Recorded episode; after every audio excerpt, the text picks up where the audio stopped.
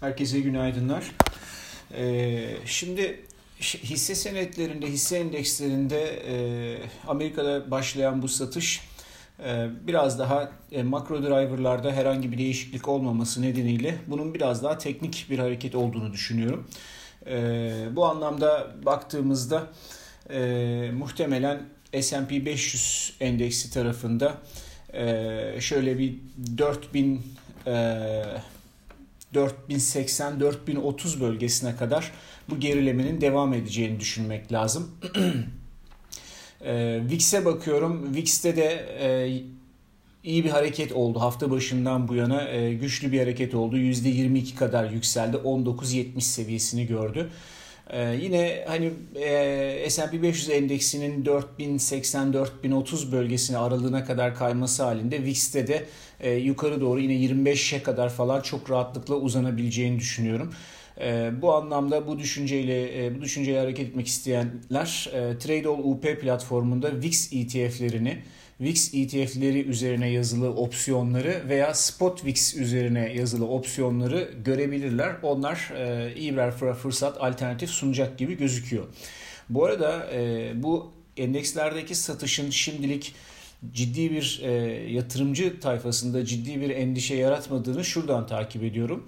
Daha önce bunu paylaşmıştım. E, yüksek getirili tahvil ile e, yatırım yapılabilir seviyedeki tahviller arasındaki spread'e bakıyoruz. Burada bu spread'in yükselmesi e, piyasanın korkudan hızlıca yüksek getirili junk bonoları sattığı anlamına gelir.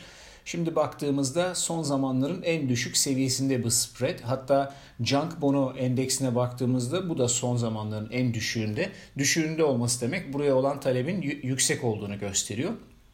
Dolayısıyla e, iki gündür endekslerde gelen satışa karşılık e, piyasa herhangi bir şekilde endişeye kapılmış değil. Çünkü bunu teknik bir satış olarak görüyor. Makro dinamiklerin güçlü olduğunu, yerinde olduğunu düşünüyorlar. Haklılar tabi. Dolayısıyla e, aşağı doğru hareket sadece bir teknik düzeltme olarak kalacak. Mal almak için yeni bir fırsat gibi gözüküyor. Bu çerçevede baktığımızda da demin arkadaşlarımın da e, Hakan'ın ve Selim'in de bahsettiği üzere özellikle Çin şey Hindistan bazlı Covid vakalarının süper artmış olması ve oradaki aşı sürecinin de çok çok e, zayıf olması itibariyle biraz e, Covid'den dolayı endişeler artmış vaziyette ve bu en çok e, yani çok direkt olarak ilgisi, ilgili olmasa bile e, şu anda Amerika'da hava yolu endeksini vuruyor. 5 büyük hava yolu şirketinden oluşan e, hava yolu endeksine baktığımızda e, zirvelerinden ciddi anlamda aşağı gelmiş gibi gözüküyor. Ama bunda çok korkulacak bir şey yok. Çünkü e, burası zaten fazlaca şişmiş bir endeksti hatırlarsanız. Hani şu anda %12'lik falan bir geri çekilme var. Biraz daha aşağı geldikten sonra e, burada hava yolu şirketlerini yeniden alım için takip edeceğiz. E, dün Netflix'in bir bilançosu vardı. 3.75 dolar, 3.75 dolar hisse başı kar açıkladı. Beklenti 2.98'di. Güçlü e, bir e, hisse başı kar açıklamasına rağmen ücretli üyeliklerdeki beklentisini çok aşağı çekmiş vaziyette önümüzdeki sezon için. E, dolayısıyla hisse e, seans sonrasında %10 kadar düşmüş vaziyette. O da şeye uyuyor, genel e, görünüme uyuyor zaten. Tahvil piyasasına baktığımızda yine bant hareketi devam ediyor. dün biraz yükselmeye çalışmıştı getiriler ama bu sabah dün yine gelen satışlar ve bu sabahki devamla birlikte devamıyla birlikte %1,5'lara kadar 1.55'lere kadar özür dilerim gelmiş oldu. E, tahvilin tekrar geri çekilmesi enflasyona endeksli tahvil getirisini de aşağı çekiyor. Tabii bu da e, şeye destek olur. E, altına, gümüşe destek olur. Burada altın için hala 1800-1850 bandını koruyoruz. Biraz nazlanıyor şu anda ama e, zannediyorum yine orayı zorlayacak gibi gözüküyor. Hala long taşımayı e, doğru buluyorum burada. Gümüş tarafında bir türlü kıramadığı bu e, bir, birkaç kez bahsettiğim güçlü destek direnç yığılmaları var. Orada da 25.90 ve 26.40 önemli. Hele özellikle 26.40'ın üzerindeki bir kapanış e, çok ciddi yükselişlerin önünü açar ama bunun çok şu anda e, ihtimallerinin çok yüksek olduğunu düşünmüyorum.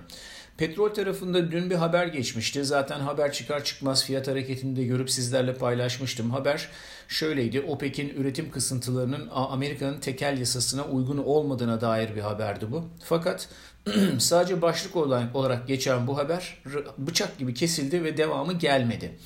Ee, dolayısıyla bu herhalde bu haberi biraz daha siyasi bir gelişme olarak değerlendirdiler ve bu haberin devamının geleceğini şimdilik düşünmüyorum ama e, piyasa bunu affetmedi ve hızlıca satış yaptı ve hala fiyatlar 62 dolar bölgesinden geçiyor. Yani haber, piyasa aslında bunu hala fiyatlıyor.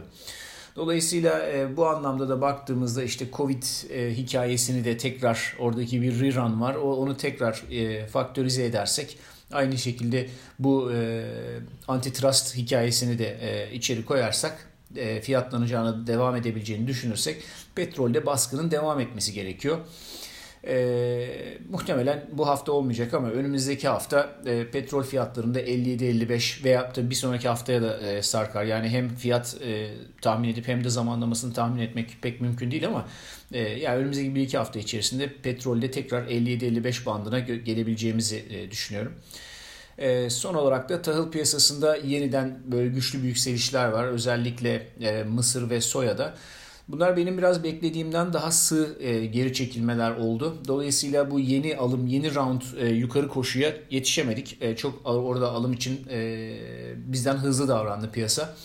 E, yani arzu edenler burada e, bulduğu yerden biraz yapışabilirler ama normal pozisyon büyüklüğümüzden daha küçük şeylerle, e, porsiyonlarla almak sanki daha iyi. Çünkü zaten e, biraz daha primlenmiş bir e, şeydeyiz, e, piyasadayız ama teknik olarak orada ciddi bir breakout dediğimiz bir formasyon var. Yani yukarı çıkıyor, konsolide oluyor. İşte bayrak filama ne derseniz onu oluşturuyor.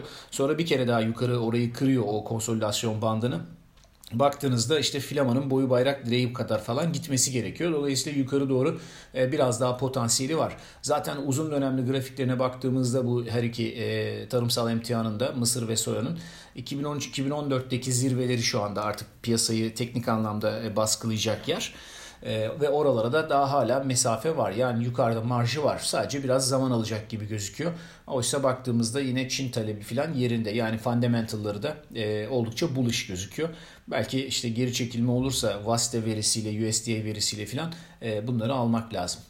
Bugünlük de bu kadar. Herkese iyi seanslar.